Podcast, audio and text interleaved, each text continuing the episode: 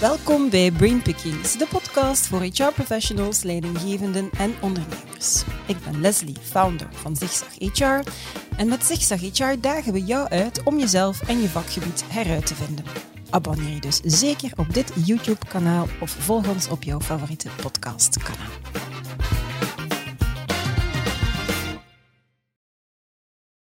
Onze arbeidsmarkt staat in brand en de kandidaat is aan zet. Hij of zij kiest. Een aantrekkelijk loon, opleidingsmogelijkheden en vooral purpose staan daarbij voorop.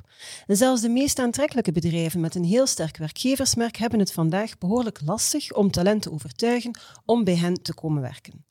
Hoe moeilijk is het dan voor tabaksproducent Philip Morris International om talent aan te trekken en aan zich te binden? Dat vraag ik mij dan af. Wel, voor een antwoord op die vraag kruip ik in deze podcast in het hoofd van Kobe Verheijen en Magali Praat, die daar allebei aan de slag zijn.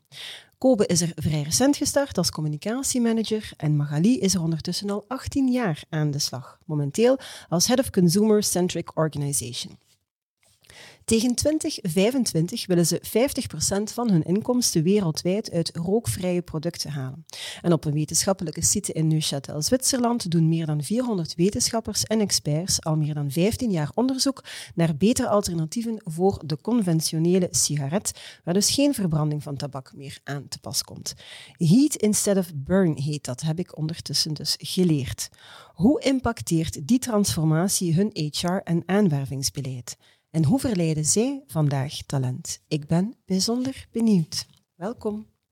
Dag Leslie, bedankt voor de uitnodiging. Met veel plezier. Dankjewel. Welkom. Hallo. Heel blij dat, uh, dat jullie er zijn en ook heel erg benieuwd hoor, in alle eerlijkheid, naar, uh, naar jullie verhaal. Dus uh, laten we ons misschien maar meteen mee van start gaan. Hè? Heel Goed. graag. Ja. Um, 1,1 miljard van de totale wereldpopulatie rookt. Dat is 1 op 7, ondanks alle inspanningen eigenlijk, hè, die er al jaren gedaan worden om roken te ontmoedigen. En de Wereldgezondheidsorganisatie voorspelt zelfs dat tegen 2025 dat dat eigenlijk niet veel zal veranderen. Dat er nog altijd gelijkaardig zal zijn. Roken is slecht voor de gezondheid, het is verslavend, het is dodelijk. En eigenlijk is de beste optie om er gewoon zo snel mogelijk mee te stoppen. Maar ondanks alle waarschuwingen zijn er eigenlijk nog altijd heel veel mensen die alcohol blijven drinken, te snel blijven rijden, te ongezond blijven eten. En er zullen dus ook altijd mensen zijn die gaan blijven roken. Dan is het beter om ze aan te moedigen om naar minder schadelijke producten te grijpen. Dat is een beetje jullie verhaal, of dat is toch wat jullie betrachten, klopt? Inderdaad, het klopt. Wij zitten sinds 2016 in een uh, grote transformatie als bedrijf. Mhm. Mm-hmm. Het zal de luisteraar misschien verbazen, maar de, het mantra eigenlijk van onze transformatie is eer, eerst wie niet rookt, uh, Mhm. begin er niet mee. Wie wel rookt, uh, raden we aan om te stoppen met roken. Dat is bijzonder uh, moeilijk, maar elk jaar zijn er miljoenen mensen die daarin slagen. Inderdaad. maar zij die geen van die twee opties doen, die blijven doorroken, die, die, daarvoor willen we eigenlijk een product uh, aanbieden dat minder schadelijk is, waarvan het Mhm. wetenschappelijk bewezen is dat het product minder schadelijk is. Die producten die bestaan vandaag, uh, die zijn in heel veel landen ook al, uh, worden die ook al gebruikt als alternatief voor veel mensen die anders zouden doorroken. En daar draait eigenlijk onze transformatie rond. Dus Mhm. eigenlijk om het eenvoudig uit te leggen, het eerste deel van de transformatie, dus dat, dat is de producttransformatie. Hoe zorgen we ervoor dat we producten ontwikkelen die veel minder schadelijk zijn dan gewone sigaretten? Ja. Ons onderzoek en ook veel externe volksgezondheidsinstanties hebben dat ook bevestigd. Uh, heeft ertoe geleid, daar hebben we, daar, daar, daar, uh, hebben we eigenlijk ontdekt dat het vooral de verbranding van tabak is die bijzonder schadelijk is voor de Mhm. gezondheid en die leidt tot rookgerelateerde ziektes. Uh, dus onze nieuwe producten die gaan effectief geen tabak meer verbranden. Dus Nee. dan moet je denken aan de e-cigarette. Ja. Uh, inderdaad, de heat-not-burn producten, zoals je Mhm. zegt. Mhm. Of nicotine pouches, dat zijn van die soort kleine theezakjes die je eigenlijk zo Ja. in je mond steekt, waar op die manier nicotine eigenlijk uh, wordt opgenomen. Want dat is Mhm. wel belangrijk natuurlijk om ook duidelijk te zeggen. De, ook de nieuwe producten bevatten nicotine, zijn schadelijk, zijn verslavend, maar ze zijn voor de gezondheid een stuk minder schadelijk dan gewoon het doorroken van sigaretten. Ja. Een tweede deel uh, van de transformatie is eigenlijk ja, de interne transformatie. Hè. Je kan je Mhm. inbeelden, we zijn uh, wereldwijd uh, de marktleider op het vlak van sigaretten. En we hebben gezegd, wij willen echt zo snel als mogelijk stoppen met die verkoop van sigaretten, Mhm. met de productie en met de commercialisering van sigaretten eigenlijk. Kan je inbeelden dat dat een enorme impact heeft op een organisatie? ja. Enerzijds hebben we heel veel, uh, heel veel wetenschappers in dienst, technici, ingenieurs die die nieuwe producten ontwikkelen. Maar daarnaast, ja, onze fabrieken moeten ook stelselmatig omgebouwd worden. Mhm. Die nieuwe producten, dat ziet er eigenlijk ook al helemaal niet meer uit zoals een sigaret. Dat zijn elektronische devices waar heel veel microchips en dergelijke in zitten. Dus dat heeft ook een heel, heel erge impact op, eh, op, op ja, het productieproces. Eh, eh, ook, ook bij ons intern, hoe gaan we die producten op korte tijd ontwikkelen en naar de markt brengen? Dat zijn ook heel nieuwe test, skills die je daar eigenlijk voor nodig hebt. We hebben ook een dienst na verkoop. Hè. Dat was ook iets dat we vroeger niet hadden. Dus het heeft intern een enorme impact. En daar moeten we eh, ja, onze medewerkers ook echt in, in meekrijgen. En dat zal uh, Nathalie, Magali Sevens ook verder toelichten. Het derde uh, punt van de transformatie is effectief hoe kunnen we ervoor zorgen dat de 2 miljoen mensen in België die roken, die ondanks de maatregelen die worden genomen niet stoppen met roken, toegang krijgen tot informatie over die minder schadelijke producten. Ja. Ja, want wij hebben een, goeie, uh, een product dat minder schadelijk is, uh, maar het is belangrijk natuurlijk dat het ook effectief een oplossing is voor personen die anders zouden doorroken, sigaretten zouden doorroken. Mm -hmm. Dus dat is een, een derde belangrijk onderdeel van de transformatie. Hoe krijgen we de maatschappij daarin mee. En dat is natuurlijk niet eenvoudig, want uh, we zien uh, dat 30% van onze netto-inkomsten vandaag al uit die nieuwe producten komen. Uh, dat in heel veel landen, zoals Italië, Groot-Brittannië, Japan, dat die nieuwe mm -hmm. producten ook al gebruikt worden door voormalige rokers. en, en dat aantal echte rokers, mensen die sigaretten gebruiken, stevig daalt.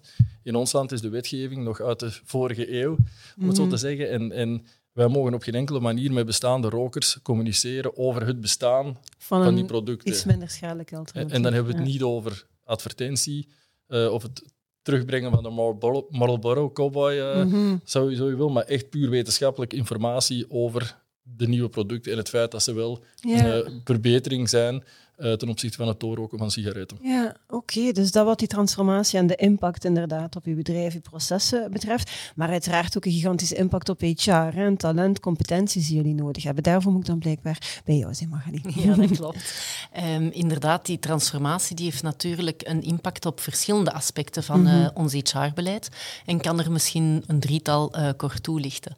Um, een, een, eerste belangrijke is eigenlijk de, het feit dat onze mensen mensen centraal staan. Mm -hmm. Dus we spreken echt over employee centricity. Want laat ons eerlijk zijn, we spreken hier wel over de transformatie van ons bedrijf, maar eigenlijk zijn het de mensen die het bedrijf transformeren. Ja, je gaat geen bedrijf transformeren, maar de mensen die er deel van uitmaken, die in dat verhaal. Ja, absoluut. Ja. En dus vandaar dat wij die werknemers ook centraal willen zetten in ons HR-beleid. Dus dat betekent dat we eigenlijk gaan kijken um, om, om op continue basis eigenlijk feedback te verzamelen over hoe dat zij de ervaringen um, beleven binnen het bedrijf. Dus dat begint eigenlijk bij de recrutering um, en dat loopt tot een eventuele exit en alle processen daartussen. En dus op een continue basis willen wij feedback verzamelen. We doen dat via transformation surveys, een viertal mm -hmm. keer per jaar, waarbij dat we echt een voeling gaan krijgen van wat leeft er binnen de organisatie.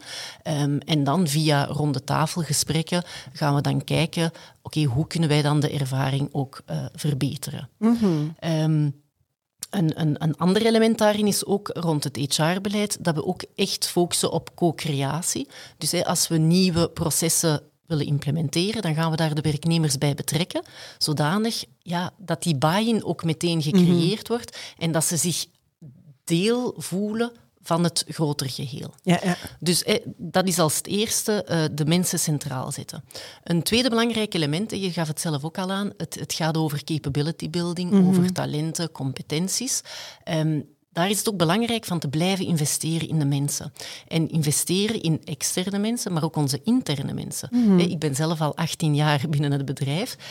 Ja, toen dat ik ben binnengekomen, hadden wij andere producten. Dus ja. het is gewoon belangrijk van iedereen mee te krijgen binnen die transformatie, um, van um, de skills te verhogen, van te weten, oké, okay, over welk product hebben we het nu, wat is de wetenschap daar rond, uh, nieuwe methodologieën van samen te werken. Um, en dus dat is belangrijk om te zien uh, wie hebben wij binnen de firma, waar staan zij en hoe kunnen wij hen ondersteunen om dan die transformatie mee te maken. Derde element dat ik nog eventjes wil toelichten is, zoals dat Kobe ook aangaf, de interne transformatie. Mm-hmm. Um, en als we daarover hebben, dan gaat het meer over de gedragingen, de bedrijfscultuur. Want ook daar is er natuurlijk een enorme vooruitgang geweest mm-hmm. over hoe dat we samenwerken binnen het bedrijf. Als je kijkt naar het, het vroegere model, um, dan had je meer een top-down cultuur. Mhm. hè, waarbij dat je eigenlijk eh, als werknemer, als je een vraag had, als je niet wist hoe dat je vooruit moest, dan ging je naar de baas en die zou de antwoorden eigenlijk wel weten. Ja, die vertelt hoe je het moet doen dan. Ja. Absoluut. Daar stappen we nu volledig van weg. Ehm, gaan we meer kijken naar, naar samenwerking over de verschillende departementen heen. Hè, dus ook die silo-mentaliteit Mhm. eigenlijk wegnemen. En een, een leider die gaat een andere rol krijgen. Die gaat eigenlijk meer een, een servant leadership Mhm. rol moeten opnemen, waarbij dat die ten dienste staat van zijn team Mhm. en dat die de connecties gaat leggen tussen de verschillende departementen en dat we er zo samen voor kunnen zorgen dat we eigenlijk ja, een oplossing vinden voor de vragen die wij hebben. Want wij hebben heel veel vragen. We zitten in een transformatie, een nieuw product en we moeten het gewoon samen ontdekken eigenlijk hoe dat we het tot een succes kunnen brengen. Ja, oké, heel, heel helder. Nu, je, je sprak daarnet ook over de interne, de, de externe arbeidsmarkt. Ik ga ervan uit dat jullie ze inderdaad allebei eh, verkennen als het gaat over jullie talentbeleid. Welk van beide krijgt dan bijvoorbeeld het meeste aandacht? Is er één die primeert boven de ander?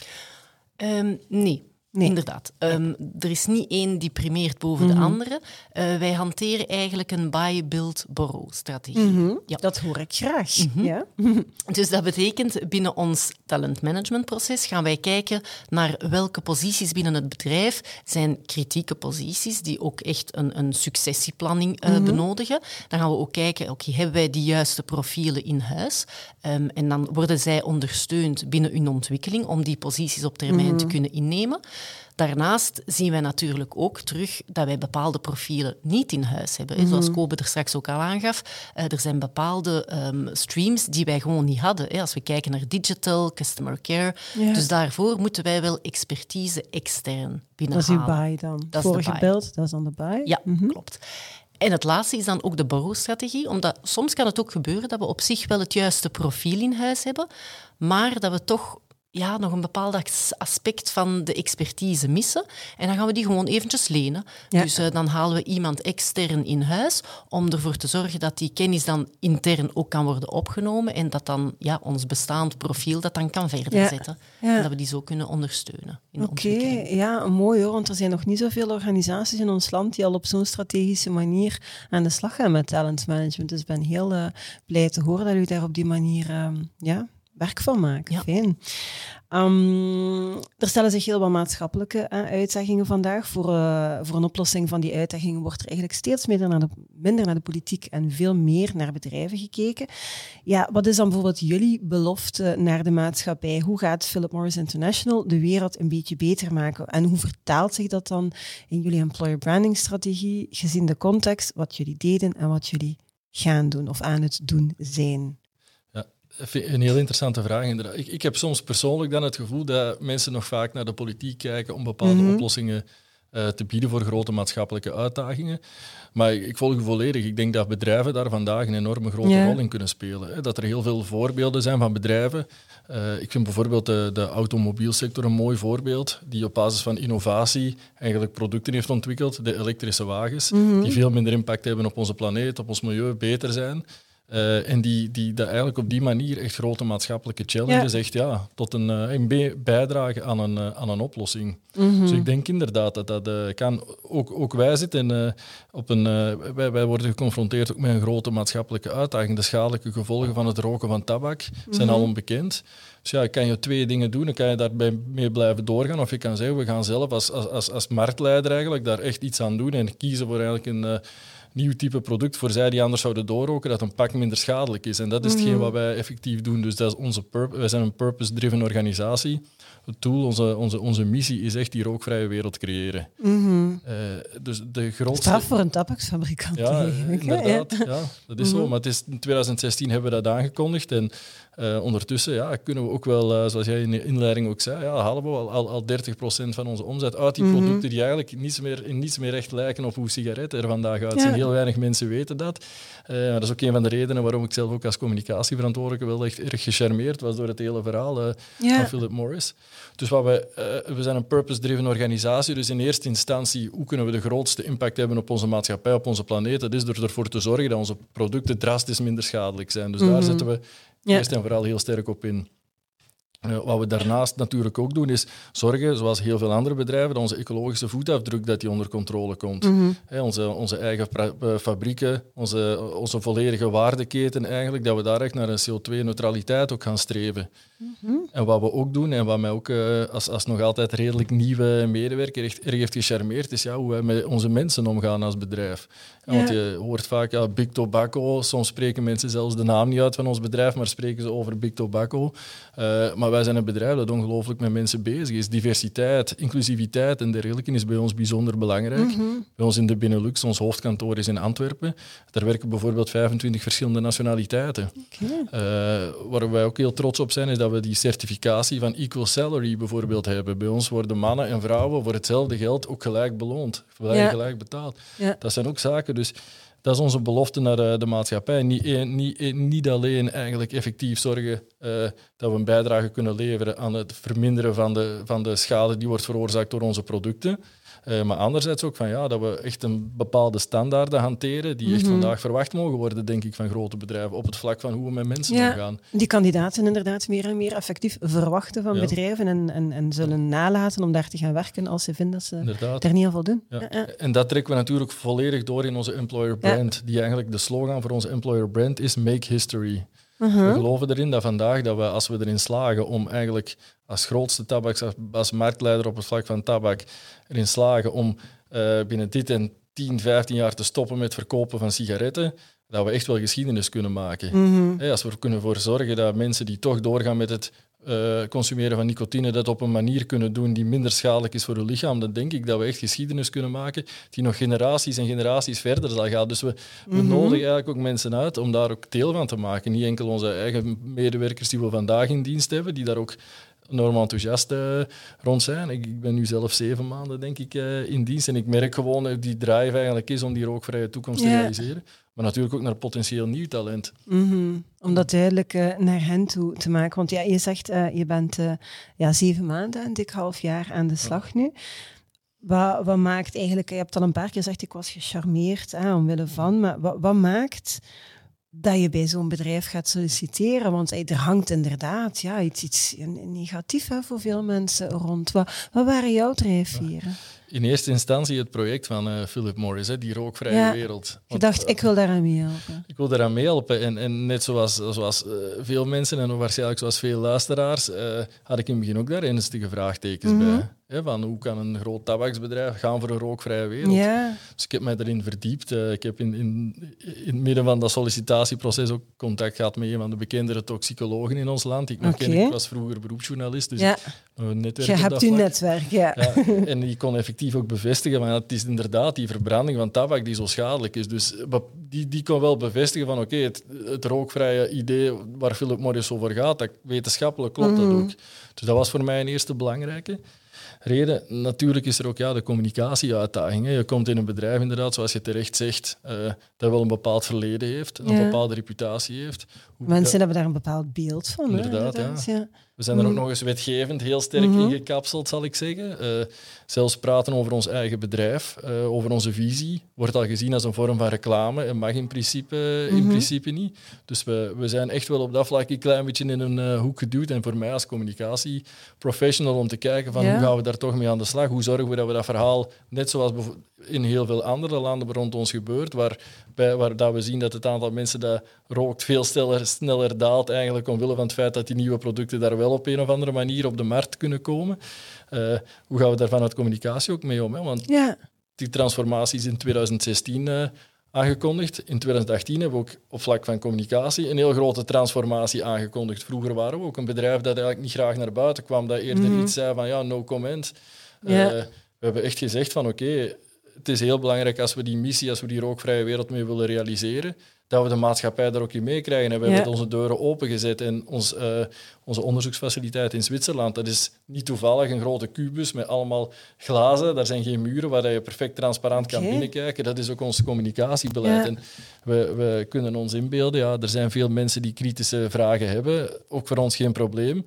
Uh, maar we willen wel, ja, de kans krijgen om die vragen te beantwoorden en laten zien van oké, waar wij mee bezig zijn, kan effectief wel bijdragen aan een oplossing. Want daar hebben we vandaag niet alleen in België, maar wereldwijd wel een nood uh, aan. Want we zien wel dat het, ja, de, de bestaande antitabakbeleid dat dat wel echt op zijn limieten loopt. Dus dat er wel echt uh, nood is aan andere oplossingen. En die rookvrije producten zijn volgens ons daar een belangrijk onderdeel in. En daar willen wij graag, daar reiken wij ook de hand aan de overheid om daar echt ja, tot een oplossing uh, mee samen te komen. Zeg, en hoe reageerde jouw omgeving dan, dan op jou, jouw keuze? Goh, was daar begrip, was daar onbegrip?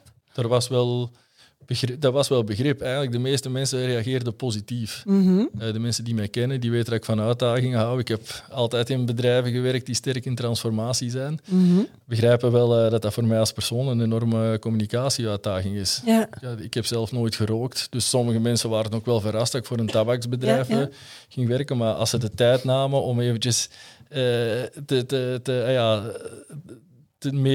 om mij eventjes te laten praten over de mhm. drijfveren, waarom ik het doe en waarom, uh, wat ik er voor mij als toekomst in zie, dan hebben veel mensen daar wel ook heel veel begrip voor. Uh, maar natuurlijk zijn er ook negatieve reacties. Hè? Dus ja. uh, dat heb ik ook zeker gehad. mensen die, die dat niet konden begrijpen. Hè? Die ook niet de tijd namen om eventjes daarover te praten. En eerder de reactie hadden van ja, zeg, ze hebben daar een mening over en ze blijven daarbij en ze willen eigenlijk niet in overleg Inderdaad, van, ik heb een reactie gekregen van je hebt toch ook twee kinderen. Hoe kan je zoiets doen als je twee kinderen hebt? Ja, duidelijk. Uh, we hebben er ook onderzoek naar gedaan. Hè. Het is een hele kleine groep die heel, heel, een heel scherpe houding uh, heeft ten opzichte mhm. van onze sector. Een kleine groep die ook enorm vocaal is. Ja. Uh, maar een groot deel van de maatschappij is daar veel minder kritisch over dan die kleine groep eigenlijk denkt. Die, mm -hmm, Oké. Okay. Zeg, en dan Magali, je bent al 18 jaar aan de slag. Wat was jouw motivatie destijds om daar te gaan werken? En is dat veranderd ondertussen? Benieuwd. Ja, inderdaad, 18 jaar. Ik ben eigenlijk al deel van het meubilair. Zo zeg ik dat altijd. um, ja, ik, mijn drijfveer um, is eigenlijk ook gelinkt aan mijn achtergrond. Ik heb zelf rechten gestudeerd. Mm -hmm. En ik vond het bedrijf van Philip Morris wel heel interessant, omdat je, ja, je zat met een sigarettenproduct, een mhm. legitiem product je mag dat verkopen. Maar dat was ook de moment dat heel die regelgeving rond communicatie van sigaretten veranderde. En ik vond dat wel heel interessant en, en boeiend om daarmee in te stappen en te zien hoe dat we daar als bedrijf eigenlijk mee omgaan. Mhm. Dus dat was mijn oorspronkelijke ja, bedrijf. Een uitdaging. Ja, absoluut. Ik zag dat mhm. als een grote uitdaging. Um, als ik nu kijk, ja, in mijn carrière zag ik dan ook wel het bedrijf evolueren. Dus ik ben in 2003 begonnen. Eigenlijk al vanaf 2005 wisten wij dat het bedrijf op zoek was naar een alternatief voor mhm. sigaretten. Dus het werd er eigenlijk alleen maar interessanter op. En, en nu dat we echt midden in die transformatie zitten, zien we ook die uitdaging ehm, ja, om daarover te kunnen communiceren. Want als je kijkt, we kunnen niet communiceren over sigaretten en daar staan we ook volledig achter. Maar nu dat we eigenlijk een alternatief hebben voor die mensen, die, die rokers, die eigenlijk mhm. verder willen blijven genieten van tabak. Ja, wij hebben een alternatief, maar we kunnen er niet over communiceren. En daar willen wij wel ja, in dialoog gaan met de overheid om ervoor te zorgen dat die, dat die consumenten wel het recht hebben om geïnformeerd te worden. Dat er inderdaad een alternatief absoluut. is. En dat is eigenlijk mijn, mijn businessmotivatie om hier nog altijd te zijn. Mhm. Maar op zich heb ik ook wel een persoonlijke motivatie, want um, Philip Morris is mijn eerste werkgever. Ja. Um, en in die 18 jaar heb ik eigenlijk um, meer dan 10 verschillende functies gehad, mm gaande van sales naar marketing, back-office, front-office, in vijf verschillende landen. Dus ik ben eigenlijk ook wel het levende bewijs dat Philip Morris effectief investeert in zijn mensen. Ja. En ik heb dankzij Philip Morris ook gewoon een heel mooie ontwikkeling mogen meemaken. Mm Mooi, ja, knap inderdaad om dat verhaal zo te horen. Ik moet zeggen, jullie bedrijf komt mij over als, toch vrij progressief. Als ik jullie positioneer ten aanzien van andere bedrijven in ons land, merk ik toch wel dat, daar, uh, dat jullie al langer met een aantal zaken bezig zijn dan de doorsneebedrijven. Ik ga het zo even uh. Dus uh, best ja, interessant en inderdaad moeilijk als je daar niet kan over communiceren. Jammer dat dat dan niet naar buiten komt. Um, perception is everything. We hebben allemaal sowieso een idee van mensen, bedrijven, sectoren, jobs. En we baseren ons daarvoor op wat we horen, wat we zien in de media, wat we zelf ervaren hebben, wat mensen uit onze bubbel ervaren hebben. Hè. Um, wat ik mij afvraag is, kan je die perceptie op een of andere manier bijsturen bij kandidaten tijdens zo'n sollicitatieproces? Als je zo echt een heel specifieke mening hebt, slaag je daarin om die perceptie wat bij te sturen? Mhm. Dat is eigenlijk een interessante vraag, omdat uh, wat we eigenlijk merken uh, bij sollicitaties, is dat we heel vaak de feedback krijgen van sollicitanten, zowel diegenen die uiteindelijk een job krijgen bij Philip Morris of die misschien niet beginnen, ehm, dat zij zich ons als bedrijf helemaal anders hadden voorgesteld. Dus er leeft inderdaad een bepaalde perceptie.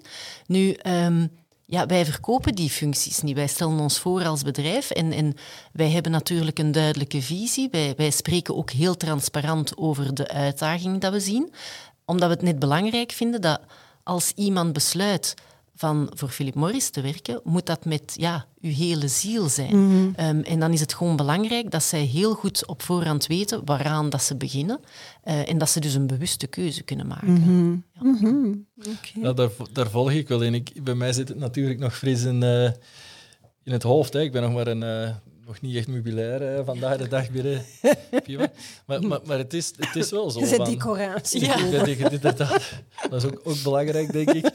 Eh, maar maar het, het, klopt wel van. eh, ik was ook wel gecharmeerd over de manier waarop eh, de HR-collega's binnen, binnen Philip Morris dat aanpakten. Mhm. Hè, die was een heel open manier. Die, die begonnen bijvoorbeeld allemaal met zichzelf heel uitgebreid voor te stellen en, en, en te vertellen over de carrière die ze hadden binnen het bedrijf. Mhm. Eh, die stonden ook enorm open voor kritische vragen. Uiteraard, ik denk heel veel mensen die bij ons beginnen, dat die net zoals mij heel veel kritische vragen hebben, maar die zijn daar ook wel effectief eh, transparant, eerlijk in, eh, wat mij ook erg charmeerde. En ik, ik herinner mij een van de zaken die, die men toen degene die nu mijn director is, eh, zei was van ja, spreek daar ook wel over met uw, eh, met uw naasten. Hè? Ja. Eh, want het, is, het kan zijn dat mensen uit, uit uw omgeving daar wel negatief op reageren. Dus ook dat aspect kreeg effectief wel aandacht. En dat ging zelfs zo ver dat ik op een gegeven moment niet alleen mijn ouders, mijn vrouw, mijn beste vrienden, mijn broer, mijn zus daarover heb gesproken, maar zelfs met mijn schoonvader. En achteraf dacht ik van ja, toen ik trouwde met mijn vrouw, heb ik eigenlijk niet zijn goedkeuring gevraagd, maar toen ik bij Philip Morris ging werken, heb ik wel? Dus dat was een beetje confronterend en dat moet ik misschien thuis, eh, thuis niet vertellen. Want te laat hoor, denk ik, bij deze.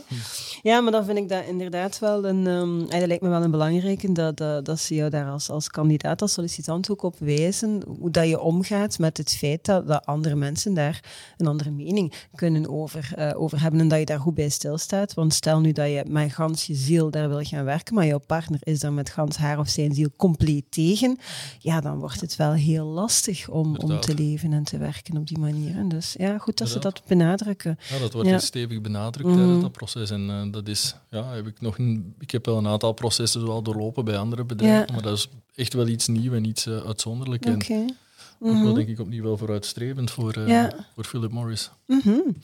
Laatste vraag. Welke tips geven jullie graag nog mee aan HR-professionals die luisteren of kijken als het gaat over employer branding en talent acquisition? Als jullie het kunnen, ik bedoel, hè, daar kunnen andere mensen ongetwijfeld veel van, eh, van leren. Vertel. Oh, ja, ik denk, ja, investeren. Hè. Investeren in die HR-afdelingen. Eh, dus Mhm. dat is sowieso heel belangrijk, denk ik, voor, eh, voor een bedrijf. Maar een bedrijf dat in transformatie zit, Ja. eh, dat toch nog iets moeilijker heeft om de juiste talenten te vinden, ja, dat is nog belangrijker dat je, denk ik, de mensen hebt die het verhaal goed kennen, die ja. met hun volle hart en hun volle tijd eigenlijk daarop kunnen, kunnen inzetten en die er ook echt goed in getraind zijn. De Mhm. Wart, dat is de, de recruiter eh, met wie ik het eerste gesprek had, die kende dat verhaal zo goed eh, dat ik dacht op, eh, op een gegeven moment, ja, die kan in principe zelf communicatiemanager worden. Dus zal het graag horen. het is, het is gewoon superbelangrijk om daarin te investeren. En Ja. Een tweede tip is ook van, ja, zorg dat je wel een correct beeld schetst natuurlijk van de omgeving waarin je terechtkomt. Hè. Zoals bij ons, eh wij gaan resoluut voor die rookvrije wereld. We gaan in rassenschreden eh vooruit eh, op dat vlak. Maar natuurlijk komt er een groot deel van onze business komt nog uit die traditionele, die oudere. Dat is ook logisch, een normaal economisch proces. En een, een transformatie gaat eh, gaat geleidelijk aan. Hè. Dat is net om opnieuw de vergelijking te maken met de automobielindustrie. Het is niet zo dat op het moment dat de bepaalde constructeurs die elektrische wagens hadden, dat ze zijn gestopt met het verkopen Nee. van alle benzine- en Mhm. dieselwagens. Dus dat is een proces. En, en mijn eh, director zei toen ook echt heel duidelijk van ja, je gaat zeker als communicatiemanager wel geconfronteerd worden met Ja. vragen over sigaretten, met bepaalde processen uit het verleden. Eh, dus dat dat echt wel heel goed wordt geschetst. Van, Mhm. Zeker in een or- organisatie die zo aan het transformeren is, dat je echt wel eh, weet waarin je terechtkomt. En Ja. dat je weet inderdaad, zoals Magali ook zei, van, ja, dat je met hart en ziel en met duidelijke overtuiging eh, en de, de juiste ethische reflectie eigenlijk echt start aan die nieuwe, die nieuwe Ja. uitdaging. Dat is denk ik ook een, eh, een heel belangrijke tip. Mhm. Ja, en wat ik daar misschien ook nog aan wil toevoegen, hè, want we spreken over employer branding en Ja. talent acquisition. Nu, talent acquisition is het begin. Ja. Het gaat dan ook nog over het behouden van de Ja. talenten. En dus eh, wat dat daar voor ons toch ook heel belangrijk is, we hebben het al gezegd, het investeren in de mensen. Mhm. En dat is een samenwerking. Dat is een samenwerking tussen HR en de business. Ja. En dus wij hebben duidelijke partnerships eigenlijk tussen onze businessleiders en dan iemand van HR. Mhm. En dus als, als partners ga je eigenlijk eh, de ontwikkeling van je mensen opvolgen, waarbij dat de businessleider wel duidelijk de ownership heeft Ja. Mhm. over de ontwikkeling van zijn mensen, maar met de nodige ondersteuning van HR. Vanuit HR. En dat werkt heel goed. Ja. Ja, goed dat je dat effectief nog eens benadrukt. Het is maar het begin. Hè? Ja. Want, want je je merkt dat heel veel organisaties de rode loper uitrollen. Maar dan eens dat mensen binnen zijn, wordt er precies, ik ga niet zeggen te weinig aandacht aan gegeven, maar eh, het is niet een verhouding, de aandacht die daar dan nog volgt. Dus eh, heel goed dat je dat inderdaad nog eens eh, benadrukt. Ik denk dat er een drietal tips waren. Dat is voor jullie de kern die jullie graag willen meegeven aan mensen die luisteren of kijken. Dat is denk ik eh, voor nu het belangrijkste dat je kan Ja. meegeven. Alright, oké. dan, eh, dan, zijn we, dan zijn we rond met deze podcast. Volgens mij hebben we dat netjes binnen het half uur gedaan, dus dat is eigenlijk fantastisch. Ik wil u daar ook eh, hartelijk voor bedanken, ook voor de openheid eh, en jullie verhaal. Ik, ik hoop dat dan een aantal mensen die misschien nog een andere perceptie, een meer negatieve perceptie hadden, dan toch op zijn minst horen wat de plannen zijn als zij dat nog niet zouden weten. Dus ik wens je nog verder eh, veel succes bij de transformatie die nog eh, volgt. Dank u wel. Dankjewel. Dankjewel ook eh, aan jullie om te kijken of om te luisteren. Vond je deze podcast fantastisch? Vertel dat dan natuurlijk aan zoveel mogelijk mensen verder. Heb je honger naar meer? Weet dan dat er nog heel wat podcasts te vinden zijn op ons YouTube-kanaal of via jouw favoriete podcastkanaal. Het allerbelangrijkste, weten jullie al, it's a great time to be in HR. Tot de volgende!